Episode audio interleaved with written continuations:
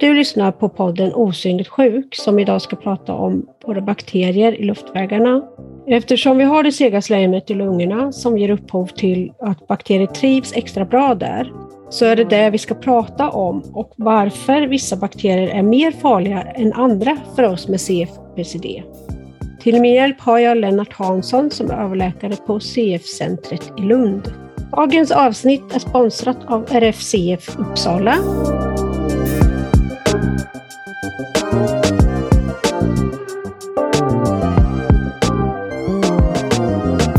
Hej och välkommen Lennart! Tackar! Du ska hjälpa oss med att försöka få lite klarhet i gällande bakterier som trivs hos oss eh, med CF och PCD. Bakterier pratas det om dagligen när det gäller våra patientgrupper, men vad de gör med oss vad menar man med vissa ord som man kanske hör inom vården när det gäller infektioner i lungorna framför allt, men inte riktigt förstår vad de betyder.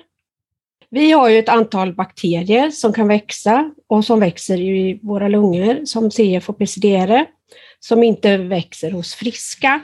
Och då börjar jag med att fråga, är alla bakterier dåliga att ha i luftvägarna? Ja och nej, alltså egentligen vet vi inte. Man ska backa ett steg och så ska man göra en liten reflektion över det här med organismer. För att bakterier, virus och svamp, de finns och har funnits i sannolikt årmiljarder och långt, långt före vi utvecklades som människor. Så det är vi som har kommit och konkurrerat med dem. Man får komma ihåg att stora delar av detta vet vi väldigt lite om, även om vi liksom har kommit ganska långt. Eh, vi har ett oerhört stort samarbete med bakterier. Vi får komma ihåg att vi har olika former av bakterier i tarmen. Vi har kanske 1-2 kilo bakterier inom oss som vi bär på som vi måste ha för annars så skulle vi inte kunna bryta ner maten och göra den så att säga, skapa den normala avföring vi har. Vi har den finns runt om oss i, i vatten och i jord och vi skulle inte ha utveckling och växt av, av olika växter om vi inte hade haft dem. Till exempel det som gör att det luktar höst på höstarna det är bakterier som gör att det bryter ner och, och väldigt mycket finns positiva sidor. Men tillbaka till frågan. Är det farligt att ha eh, bakterier, virus, svampar i luftvägarna? Hade du frågat mig för låt oss säga 20-30 år sedan så hade jag nog sagt nej vi ska inte ha bakterier i luftvägarna för då hade man nog den uppfattningen att luftvägarna är sterila. Alltså det ska inte finnas något och i princip kan man säga att det ska det inte finnas men det är nog inte så enkelt så att säga att, att, det, att det inte finns någonting mm. alls. Och idag så har vi alltså, om vi går tillbaka så det man kunde göra då man kunde odla fram. Bakterier har vi haft kunskap om i kanske 140 år eller något sådant. Däremot har vi liksom fått en mycket, mycket mer större kunskap om bakterier och virus och liknande i luftvägarna på grund av att vi har tagit fram nya så att säga, sätt att detektera dem, att hitta dem. Och en av dem är till exempel att vi kan nu snart undersöka det vi kallar för mikrobiota. Mikrobiota det är liksom hela innehållet av allting. Vi kan göra DNA-analyser av de här bakterierna och säga att de finns. Och det är möjligt att i en framtid så kommer man inte bara odla utan man kommer att göra sådana vad vi kallar för mikrobiotaundersökningar. Men problemet som jag ser just nu det är att genom att titta på alla bakterier som finns så kan vi inte riktigt säkert säga vad är normalt och vad är inte normalt. Men man kan väl säga att vissa former av bakterier ska vi absolut och svampar ska vi inte ha i nedre luftvägar. Och det som gör att det är speciellt för CF-patienter det är ju just att kan vi säga de här klibbiga förutsättningarna, alltså slemförutsättningarna som gör att det blir, de fastnar lättare. Det är som jag brukar säga, det är ungefär som de här gamla insektspapperna man hade hängande i, med sådana små slingor så fastade flugor och liknande. Det, det är liksom den typen av lite klibbighet som finns. Och sen är vissa individer mindre klibbiga och andra är mer klibbiga och slemmet är mer eller mindre tilltalande så därför varierar det extremt mycket från individ till individ. Och varför det är på det viset, det tror jag inte vi vet. Jag menar varför vissa individer aldrig kan odla fram några pseudomonas och andra alltid gör det. Där, där är ju någonting som gör att vi inte riktigt förstår det. Nej. Men är det så att alla de här bakterierna som finns i lungorna, är de farliga både i övre och de nedre luftvägarna? De övre luftvägarna är ju i näsan och de nedre är ju i lungorna. situationen där vi, vi hela där vi ställs inför detta det är ju en, en lungtransplanterad CF-patient där man kan säga att där har vi så att säga tagit bort förutsättningarna i de nedre luftvägarna för de är bytta. Men vi har fortfarande kvar dem i de övre. Ja. Och där är det väldigt, väldigt svårt att få bort bakterier som en gång har fastnat till exempel i bihåla. Men vi betraktar ändå inte dem som speciellt citationstecken allvarliga så länge de inte så att skapar mer symptom. Så att det är alltså hela bedömningen av förekomst av bakterier och svampar och liknande måste ställas i förhållande till symptomen och den, vad vi kallar för den kliniska bilden. Och det, det, det går inte riktigt att säga ja eller nej med mm. en stor enkelhet. Man kan, den, den principiella frågan är, så här, ja, är nej, vi ska inte ha bakterier i nedre luftvägar framförallt. I övre luftvägarna finns ju många som har det. Mm. Jag menar, det finns ju många även så kallade friska individer som går omkring och bär på stafylokocker i näsan alltid, alltid. Och det är speciellt om man jobbar inom sjukvården därför att där är du exponerad. Ja. Är det liksom så att har du det på ett ställe så har du garanterat det, det andra eller kan man ha bara i näsan? Alltså? Det förekommer även om jag ska säga att där tror jag det. Jag, jag, kan inte säga att jag har själv tittat på alla våra transplanterade patienter och sett hur vanligt det är att de så att säga vi någonsin hittar det efterhand och det gör vi på nästan alla vid något tillfälle men däremot har de inte så mycket symptom av Om man har svamp, är det lika farligt eller är det värre att ha svamp? Om vi går till den vanliga candida, den vanliga gästsvampen, den har vi allihopa i munnen mer, mer eller mindre. Och sen så kan den ställa ja. till med, ja, men om vi tar antibiotika eller om vi tar eh, kortison eller något liknande så kan vi få, klassiskt det är inandningskortison i munnen, ja då får du risk för överväxt av, av, av candida, alltså torsk, i munnen. Det är jättevanligt och så får man skölja och hålla rent och så får man, kan man få mm. beläggning och så vidare. Men om vi går till mögelsvamparna och pratar om Aspergillus fumigatus eller Aspergillus niger som är svartmögeln. Det, det, den, alltså Aspergillusen finns ju runt om oss i eh, vår omgivning alltid. Gå, de, vi kan odla fram dem i vaskar, mm. gå ut i påtar i trädgården så är de i jorden och de, de finns överallt. Det, det är bara att naturligt tillstånd. Och på samma sätt så de eller kan hamna i luftvägar på individer som då har ökad känslighet. Det är ett klassiskt eh, bekymmer det här med att man kan odla fram svampar till exempel om du råkar, inte råkar, om du bygger om på ett sjukhus och så har du inte riktigt sanerat så löper du risk för att sprida det. Eller om mm. du får spridning på avdelningar där du har fått växt i till exempel i avlopp och liknande. Och så finns det en risk för spridning mellan individ till individ. Och sen har vi sådana klassiska felkällor att plötsligt så blir det växt i väggar på laboratoriet och så får man spridning till odlingsplatser. Så det finns mycket felkällor men samtidigt kan man säga att, att man får skilja på samma sätt som att, att liksom en, bara en, en liten närvaro i luftvägen. Jag, jag brukar säga att en, en svamp, ingen mm. svamp. Men det också måste vägas mot symptomen, hur påverkar det patienten? Men en individ som mår bra, bra lungfunktion, föga snedstreck, inga symptom.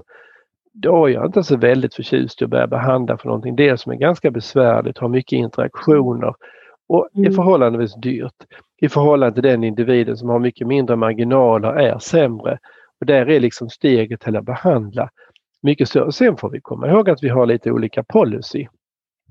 Vi har till exempel en tradition i Lund att behandla mot aspergillus i större omfattning till exempel än vad man har på andra CF-center. Det är inte för att vi egentligen tror att vi har alldeles huvudsakligen rätt och de är alldeles dumma i huvudet utan det är bara att vi har lite olika strategier men man, man odlar fram mer exofiala i Göteborg därför att de har ett större intresse för det. Sen har vi väl under de senare åren börjat titta på just aspergillus och ser att ja, där finns ju vissa saker som, som så att säga skapar förutsättningar. Mycket inhalationsantibiotika, mycket antibiotika. Och vi har väl snarare sett att, att det är andra faktorer som spelar in, har det att göra med hur bra och dålig patienten är, lungfunktionen och så vidare. Så att vi kanske har blivit lite mer restriktiva med att sätta in behandling i förhållande till hur vi var för 10-15 år sedan. Aspergillusbehandling var ju förfärligt dyrt. Så det, det var ju en behandling som låg på kanske 30-40 000 i månaden och nu har det kommit så som kallas generika. Nu är de nere i ett fåtal tusen så det är, det är ingen stor ekonomisk fråga men, men, men fortfarande har vi nog blivit lite mer restriktiva när vi börjat titta på våra egna resultat och sagt att ja, det finns kanske andra faktorer som påverkar mm. också. Är de svårare att behandla bort än vanliga bakterier? Ja, nej, alltså, ett ovetenskapligt svar är alltså att jag tror att det är ungefär lika svårt. Jag menar, det finns, ofta är det de individer som får samma återkommande aspergillus fumigatus gång på gång på gång. Jag skulle säga att när du väl har koloniserat dig med pseudomonas, då är den där i regel. Vi kan, vi kan kämpa ganska länge under ganska många år med att försöka så att säga, vad vi kallar för eradikera, alltså ta bort eh, bakterierna. Men det går liksom när man säger nej nu, nu, nu tillför det, vi, vi får inte bort den och sen är den där. Och det, det kan jag uppleva att svamparna, alltså Aspergillus fumigatus, inte riktigt är. De kommer och går. Om det sen beror på att vi inte har är riktigt lika duktiga på att odla fram dem eller annat som spelar om, det vet jag.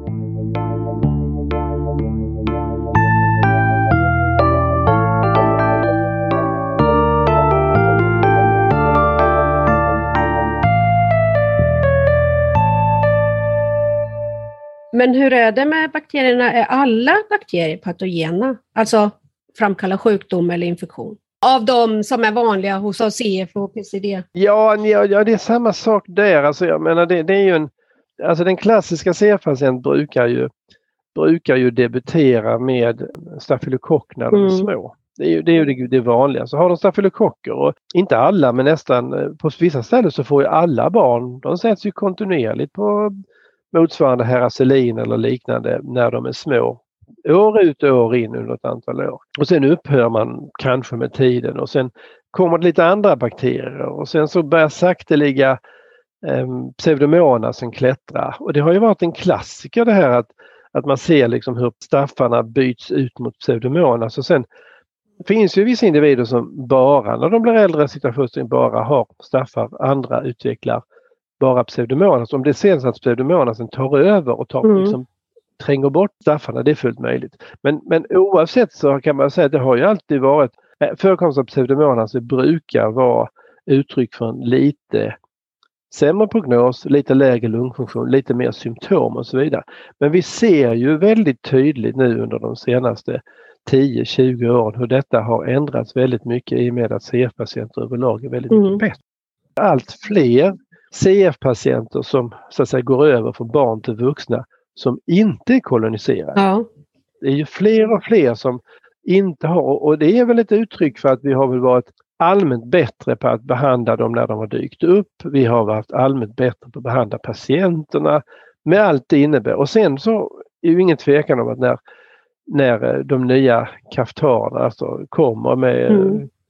Orkambi och Kaftrio så kommer förutsättningarna för att vara ännu bättre för att få färre och färre patienter. Så att vi, vi skjuter hela tiden åldern upp för när vi har koloniserade patienter. Men ja. sen så kan man säga det som då sen ligger och smyger i botten där, det är att då har vi lite nya bakterier som kommer. Då kommer Mycobacterium abscessus de lite svårare varianterna av eh, eh pseudomonas, alltså burkholderierna som i och för sig man får betrakta som en egen familj, de, de, har också kommit lite grann och sen kommer Acomobacter. Så det finns en liten grupp som, som tar andel av de här som inte fanns av innan och det är ju på grund av att vi får en äldre och äldre CF-population överlag. Ja, men är det också för att man har liksom lyckats trycka ner mycket av de andra bakterierna så får möjlighet med nya eller är det? Exakt. Ja, det är fullt förklarat att du skulle se andra bakterier som, som tar, tar liksom, de försöker ta marknad på något vis. Men jag, jag vill ändå knyta an till, till den här frågan kring det här med, med, med exacerbationer, alltså försämringsepisoder. Därför mm. att, jag menar, detta är ju den alltid ständiga frågan för varje individ, varje CF, PCD-patient som kommer och säger jag har lite mer symptom, jag mår mm. sämre. Mm. Vad är detta uttryck? Är detta den ständiga frågan? Är det en infektion och är det i så fall vilken infektion? Är det en svamp, är det en virus eller en bakterie vi ska åtgärda? Eller är det någonting annat? Eller kan vi bara liksom låta det bero? Alltså vi har ju individer som blir lite sämre överlag när de inte gör som de brukar göra. Men jag menar, för det är individer som tränar väldigt mycket och har det som sin stora behandlingsgrej och så hinner, orkar, det händer någonting så de inte förmår Och då kan de kanske vara det som gör att de, de, behöver komma igång och motionera och så blir de lite bättre utan att man tar till antibiotika. Men visst är det så att det är ju, vi har, de flesta eller, som har bakterier har ju ett par kurer antibiotika intravenöst per år men det är ju inte alla på långa, på långa vägar ner. Ju. Och jag tror att ju, ju, ju, ju bättre skötta, skötta menar, men ju bättre patienter vi har ju längre ju färre kurer per år kommer det också att bli. Mm. Ja, för att jag vet ju själv, man har känt ibland också att man har mått. Det känns att det är någonting i kroppen. Men som du säger att är lungor, man kanske inte känner sig jättedålig i lungorna egentligen, men man är trött och man är hängig och, och så får man en kur och så mår man bättre utan att veta vad egentligen problemet var. Det, det är lite olika vad, vad, patienterna kommer över från. När, jag, jag kan ju bara uttala mig som, som, som vuxenläkare. Att de, de kommer med väldigt olika traditioner från väldigt så att säga, man har i stort sett kur var tredje, var fjärde, tredje ja. månad på klockslaget i stort sett. Att de känner nu vill jag ha, nu behöver jag. Tills de som nästan inte alls har och till de som kanske har lite fler. Va? Och, och många gånger så initieras ju detta från patientens mm. sida, alltså att jag behöver en kur, jag vill starta nästa vecka. Och det får man ju vara lyhörd för och sen får man ju den går ju både åt, åt, lite åt båda håll. Det får inte bli så att man har kur på kur på kur på kur respektive det får ju så att man aldrig, aldrig, aldrig har någon kur om vi tycker att patienten bör ha. Så det är någon form av, alltså jag tycker antibiotikadiskussionen bör ju snedsteg ska ju ske i någon form av dialog med patienten men, men samtidigt kan jag säga att den patient som säger jag ska, jag vill ha kur, det är liksom ingen det tycker jag inte är så stor finess att börja ifrågasätta det för jag menar de, mm. de ofta är ju inställda på det och då får man ju göra detta och så försöka göra det bästa av det. Och sen som du säger att det är ju många som kommer och upplever att ja, de blev bättre av det men de visste kanske inte riktigt exakt vad det var som gjorde men det blev bättre ändå. Och jag, man kan tänka sig, jag brukar ju ha den här, den här liknelsen ungefär att luftvägarna är ungefär som en det är som en gammal grusväg på mm. landet. Det är en massa hålor här och där och där ligger lite bakterier och så kör man liksom en hyvel och så kör man över det och så jämnar man till det och så får man bort den här bakteriebelastningen som har funnits. Man har minskat bacterial load på något vis och sen är det lite bättre och så mår de bättre under några i bästa fall ett antal månader eller ännu längre tid. Du kan väl bara förklara lite vad det menas med när man säger att man är koloniserad? Ja just det, alltså man kan säga att att, att koloniserad det betyder alltså att eh, den bakterie som till att börja med, jag menar någon gång kommer man att hitta en odling som är vad vi kallar för förstagångsodling. Till exempel är det så att när man ser Pseudomonas eh, ergonosa första gången i luftvägarna så strävar vi att ta, försöka få bort dem, det vi kallar för att eradikera. Vi har alltså en specifik behandling som innebär att eh, man ger intravenös antibiotika, vanligen snedstreck nästan alltid i kombination eh, behandling, alltså minst två preparat. Och sen följer man upp detta med någon form av tablettbehandling, ofta ciprofloxacin i, någon, i kombination med någon inandningsantibiotika. Och vår strävan är då att kunna få bort den och nästa gång så säger man nej, där är ingenting kvar, va? där vi kan inte odla fram den. Och så för, i bästa fall kan man upprätthålla detta och så går det kanske något halvår eller ett år och så kommer den igen och så gör man ett nytt vad vi kallar för eradikeringsförsök. Men med tiden så kanske det blir, det ger inte så många för vi får ingen effekt av det utan bakterien blir då kvar. Mm.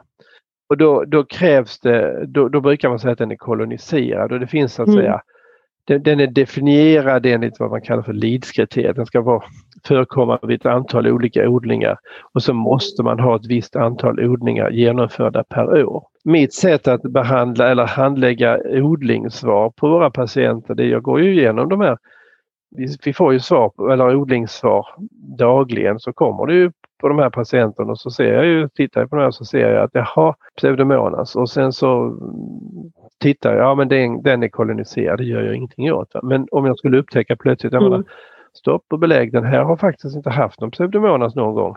Så den bör vi absolut försöka behandla. Så det är liksom ett, ett observandum att mm. se vem är det som har en ny bakterie. För då bör vi liksom, då börjar vi liksom eh, bli mycket mer ja. så säga, observanta på detta. Sen ja, andra saker, börjar de få fler bakterier? Börjar de få ändrade resistensmönster? Ja. Vad betyder det när man säger att en bakterie är mukoid? Ja, mukoid är ju egentligen en det betyder att den är slembildande egentligen. Mm. Och um, um, det är ju egentligen en gammal beteckning som vi fortfarande använder i, i vardagen. Jag menar, vi får ju, de beskrivs som mukoida respektive icke-mukoida. Ursprungsbakterien som man får i luftvägen den är i regel icke-mukoid, det är den man har fått. Och sen så med tiden så ändrar sig den med regel och blir mukoida. Man brukar då ange att, att de mukoida är lite mm så att säga, mer besvärliga. De har, de har tendens att fastna mer, de har lite sämre prognos. Sen får man komma ihåg att nästan allting eh, av de här alltså mer omfattande studierna på pseudomonas som är skrivna mukoida och icke-mukoida, de är från kanske 80-90 och början av 2000-talet och då, då hade vi inte riktigt lika bra behandlingsstrategier och idag så kan man säga att jag, jag personligen tittar kanske inte riktigt lika mycket på om de är mukoida eller icke-mukoida. Eh, för det påverkar inte behandlingen så vansinnigt mycket egentligen. Man, man har en liten strategi kring behandlingen ändå. Men man kan göra ett observandum om de skulle ändra, så att säga, gå från det ena till det andra. Men, men det är också en annan det där är också inte helt ovanligt det här att man, man, man vanligen ser man ju samma bakterier som växer fram eller två stammar. Va? Och så plötsligt kan man ju få tre stammar eller man kan få en stam och, och det är nog inte så att de där inte finns höll jag på utan det, den, den, ena tränger bort den andra och sen mm. kan man se man kan se varianter. Jag menar, vi har ju vissa patienter som kan ha upp kanske fyra, fem stammar och de kan också komma och gå lite grann och jag tror också att de finns där nog men ibland odlar vi fram dem, mm. ibland gör vi det inte. Men mukoida är mer en beskrivning på hur de växer på, på en odlingsplats det får inte så jättestor konsekvens för, för behandlingsstrategi. Det är mer, en, en, mer ur ett teoretisk synvinkel. Men de bakterierna vi har i lungorna eller i de övre luftvägarna, kan de passera ut i blodbanan någon gång? Ja, det kan de, det kan de göra, men det där är ju, det där är ju väldigt, väldigt ovanligt skulle jag säga.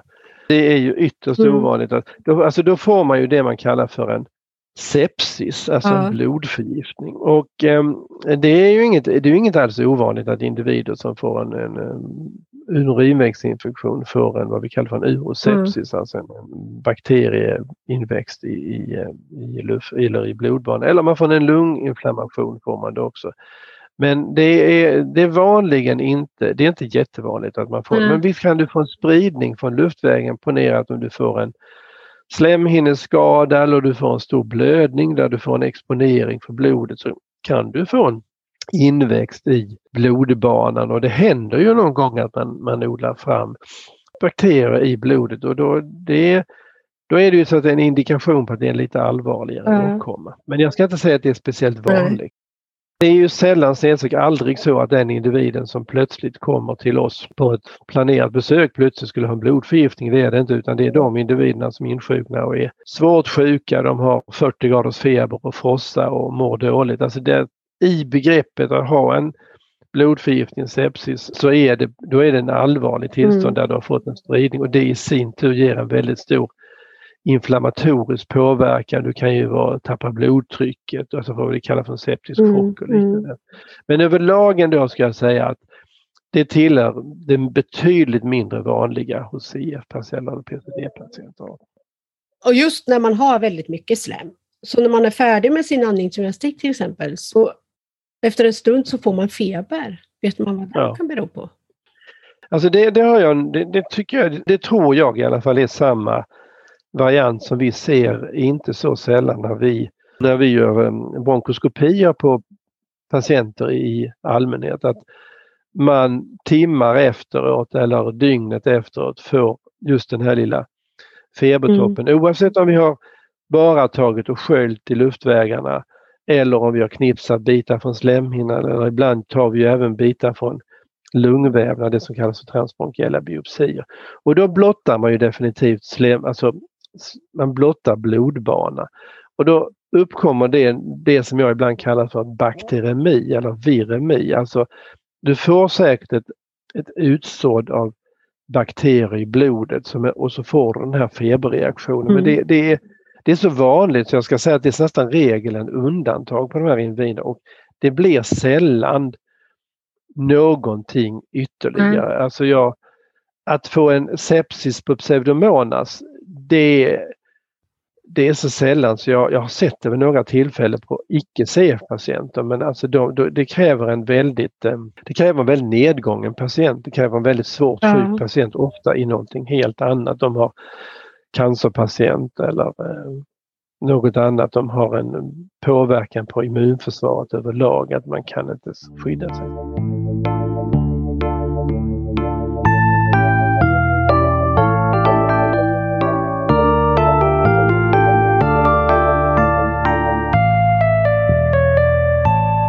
Vi var ju inne lite på det här med bakterier och transplantation.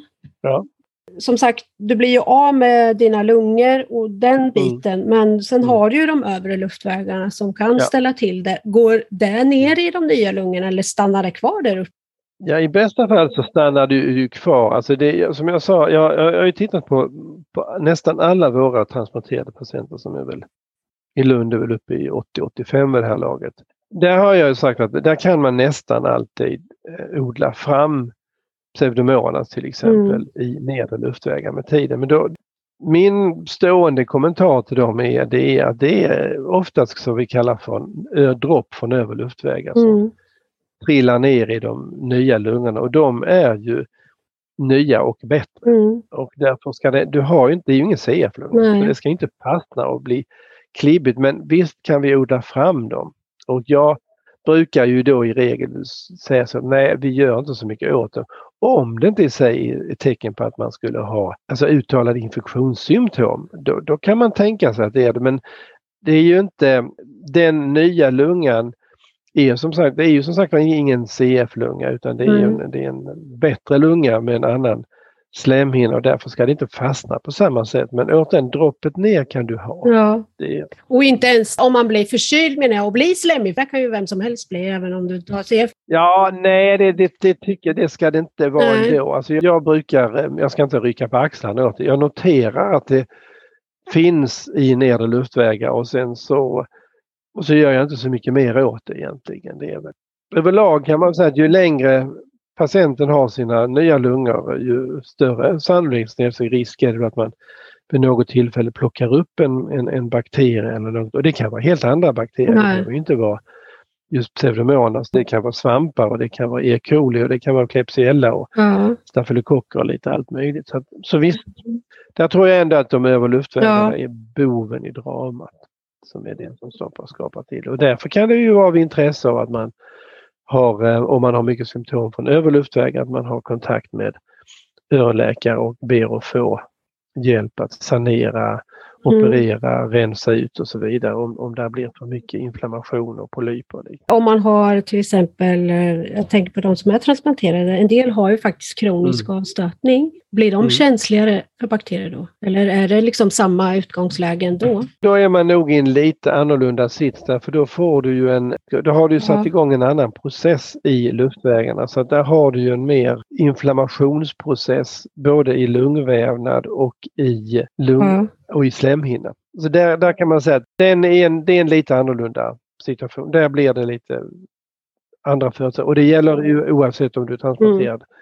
Med CF eller något annat. Så de hamnar andra i den De har ju en klart ökad risk för infektion. Mm.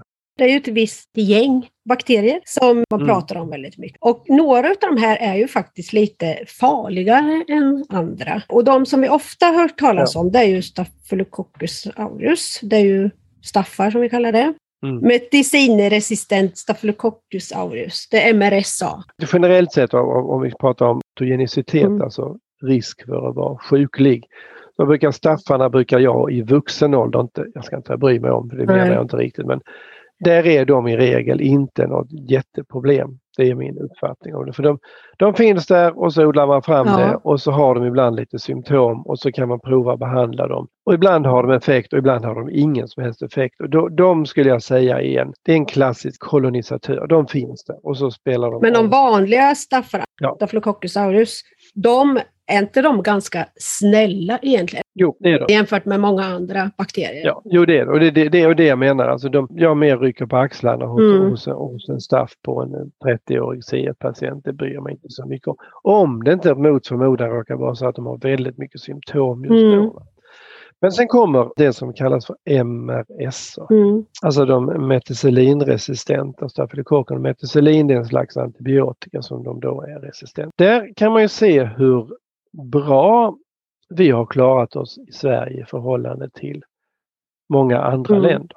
Vi är ju ett land som har varit väldigt duktiga på att behandla lindriga infektioner med malspektrum antibiotika, alltså de som bara går på de här bakterierna och inte någonting annat. Och inte ge oss på behandling med det som kallas för bredspektrum antibiotika som då slår mycket bredare och på många fler bakterier. Men det ser man ju också när man tittar på, på patienter i Sverige. Då ser man att det är ett mycket fåtal procent i Sverige, in, in, till och med inom sjukvården och patienter inom sjukvården som har MRSA. Men går vi utomlands så är det helt annorlunda. Och det är, det är därför har man varit som svensk blivit inlagd på ett sjukhus utomlands så måste man följas upp och kontrolleras så att man inte mm. har MRS när man kommer hem. Därför de är mycket, mycket besvärliga att mm. behandla. Så MRS, eh, alltså jag skulle säga att i Sverige har vi nästan inga inhemska MRS. Alla, alla MRS bland CF-patienter som vi har, de har vi fått som importfall. Jag, jag kan ja. nästan säga alla. Och det är ingen värdering om att det handlar inte om någonting eh, sämre, bättre, utan det handlar om att de individerna i regel är barn, kommer från områden i världen, Ukraina, Ryssland, eh. Balkan och så vidare, där de har varit exponerade för MRSA och har dem med sig när mm. de kommer. Och de har vi ju då en, en dels särbehandlar vi dem, så de vill vi liksom inte ha in i på våra vanliga mottagningar. De ska behandlas på speciella rum eller via infektion och de ska försöka, gör vi i regel försök att göra också sån här vad vi kallar för eradikeringsbehandling, att försöka få bort dem mm. helt och hållet. Det är en rätt tuff behandling. Att behandla MRSA är en ganska besvärlig, det är ett antal månaders behandling, kan bli en många mm. månaders behandling med antibiotika, både intravenöst och i eh, tablettform. Men går det att få bort Ja, visst kan man få bort det men det, det är ju också så att ibland i vissa fall så, så blir de kvar. Mm. På varje center i Sverige så, så, så, tror jag att det är, en, det är ett fåtal, en handfull patienter med MRSA. Mm. Nu har vi pratat om just två bakterier, mm. vi ska prata om flera, men alla de här bakterierna kan, även de som har PCD, har de möjlighet att få alla de här? Eller är det vissa som de inte? Nej, men då, det, det, kan de visst. PCD har ju en förkärlek för andra patienter. Hemophilus influenza är en sån riktigt mm. klassisk PCD-patient som hos de flesta. Mm. Det är också en sån där barnbakterie som egentligen inte ställer till så mycket bekymmer. Den har ju var och varannan barn mm. på en förskola och många föräldrar också. Men på, på PCD kan de ju ställa till. Sen kan PCD-patienter ha många andra gramnegativa. De kan även ha pseudomonas även om det inte riktigt är, det är inte riktigt lika vanligt. Men de kan, ha, de kan ha gramnegativa, Klebsiella, E. coli och så vidare. Men, men visst, det är ju snarlikt men de har ju inte, det är inte mycket slem men det är fortfarande ändå inte riktigt samma grundsjukdom. Det är ju de här bronkiectasiutvecklingarna som, som PCD-patienter har framförallt och kanske lite mindre i den rena klibbiga slemhinnan som CF-patienter mm. har. Men vi behandlar ju dem i regel på ett snarlikt sätt men, men PCD-arna har ju i betydligt mindre omfattning intravenösa eh, antibiotikakurer. Det är, eh, det är inte raritet men det är betydligt mindre vanligt. Ja, men har de generellt lite lösare slem då eller har de lika segt? Mitt intryck av vad sjukgymnasterna säger så är ju det att PCD-patienter kan ju ha slem som är ju så löst så det, liksom, det räcker att de knyter skorna mm. så rinner det ur dem. Alltså det, det är så väldigt, väldigt, väldigt löst. Och, och det skulle jag säga är en skillnad från mm. från CF-patienter. Vi har bronkoskoperat några PCD-patienter genom åren och då kan man också det kan komma ibland sjöar av väldigt, mm. väldigt löst slem ja. från dem på ett helt annat sätt än vad det gör på eh, CF. Som du nämnde så är det ju den här Haemophilus influenza och Pseudomonas aeruginosa, mm. som vi också kallas bara Pseudomonas, som vi också har. Mm. Och Pseudomonas kan ju vara ganska besvärlig, ja. som vi pratade om förut. Mm. Eh, det finns ju den här så kallade J-stammen som har varit lite, så att säga, lite ökänd och det, det kan man säga att det, det här är alltså Pseudomonas delas in och de får namn. De får A, B, C, D och så vidare. Och så mm. finns det, så kommer man till J och så typar man den som J och det finns ännu mer namn på alla nya Pseudomonas. De skickar vi ju för, för, för typning. Vi skickar dem till Göteborg och så får, får vi reda på vilken stam det är och det gör vi därför att vi vill få reda på om det är så att är denna stammen som individen har samma som någon av våra andra patienter. Och det kan man säga, det är de i stort sett aldrig. Det är, de flesta har sina egna unika pseudomonasstammar. Men på 90-talet i England så hade man överföring mellan patienter och kom just från den här så kallade J-stammen. Och då såg man den att de, det var framför på barn, de flyttade sig från den ena till den andra och många blev väldigt svårt sjuka och många dog faktiskt i detta. Och sen, eh, detta fick ju konsekvenser för, för oss i Sverige därför att mm. det var till exempel ganska vanligt med att CF och RFCF hade träffar eh, både sommartid, sommartid med sommarläger och vinterläger och eh, där träffades patienter ganska intimt om man säger så. Och det, det medförde att vi hade överföring ibland och det är en av anledningarna mm. till att vi idag inte har den typen av sammankomster för att man inte ska föra över den typen av patienter. Men gå tillbaka till J-stammen så har vi extremt få eh, i Sverige som har just J-stammen. Mm. De är inte många överhuvudtaget. Men om man inte är så många, varför är man så restriktiv? Det är mer, det är mer, det är mer en tradition att man gör så. Det, det har blivit så. Ja. Men eh, det, vi har ett antal eh, bakterier som vi så att säga särbehandlar. Mm. MRSA har vi redan nämnt. Pseudomonasen J-stammen har vi redan varit inne och så pratar mm. vi om om, om Burkholderia-komplexet, alltså hela, hela Burkholderia cepacia-komplexet. Mm. Och sen pratar vi då om, om Mycobacterium abscessus. Det är liksom de som vi säger, de vill vi hålla ifrån de andra patienterna för det finns en teoretisk risk för att de ska överföra. Mm. Även om vi peppar peppar inte har, vad jag vet i dags datum, gjort det. För vi har, de är unika. Vad är det som gör att de här är så farliga? Det är en god fråga. Det är ju någonting måste det ju vara som, som gör eftersom de har ju varit, alltså ah, det är en omvänd bevisföring. Vi säger att Burkholderia cepacia och cepacia-komplexet och Mycobacterium abscessus har ju varit förenade med sämre resultat. Alltså patienterna har mått sämre, de har haft lägre lungfunktion, de har haft försämringsepisoder och några av dem har ju så att säga gått fram till, till en lungtransplantation. Det är konsekvensen av att de har de här bakterierna som gör att vi är bekymrade för dem. Så vi, vi vill inte därför ha spridning till andra och därför särbehandlar vi dem med speciella hygienregler. De får sitta i egna rum och de ska ska städa rummen mm. noggrannare och de ska vädras. Det är lite sammanhandat barn som vi har pratat om det här med covid och liknande. Vi har ju inte, återigen, det är inga gigantiska mängder eh, mykobakterier vi har men, men de, de finns. Alltså. Mykobakterium då, det är ju en egen grupp så att säga. Den van, överlägset vanligaste mykobakterien vi har ju den som heter Mycobacterium tuberculosis men den, är ju, den har vi ju egentligen inte idag i någon större omfattning. Inte i, i vår så att säga inhemska svenska befolkning. Medan om vi då går tillbaka till Sverige för 150, 130, 150 år sedan så var ju Mycobacterium tuberculosis en, en stor, stor farsot i Sverige. Jag menar, det var ju mm. därför vi byggde upp alla våra sanatorier och, och liknande. Och det var därför att Mycobacterium tuberculosis är ju, det är ju världs, på världsbasis så är det ju miljarder som är smittade av tuberkulos. Ja. Och eh, det är ju egentligen en behandlingsbar åkomma men det är så med fattigdom och, och, och liknande, det mm. följs hand i hand. I Sverige var det ju den dåliga socioekonomiska statusen som gjorde att folk bodde tätt. Eh, man brukar ju säga att för att man skulle bli smittad så skulle man ju dela nattluft så att säga. Det var i regel mm. familjen man blev smittad. Men sen kom ju bättre förutsättningar och så blev det bättre förutsättningar. Vi bodde bättre, bättre vatten, allt, allt, allting och hand i hand med det kom behandlingar och sen så i stort sett försvann tuberkulosen i Sverige. Men sen finns det andra familjer som är så att säga vad vi kallar som inte är då den vanliga tuberkulosen. som är andra typer mm. och de finns massor av mykobakterier. De finns i jorden och de finns i vattnet. Och det finns mykobakterien malmense och det finns mykobakterien hafnia och allt möjligt för de kommer från olika orter var man har hittat dem.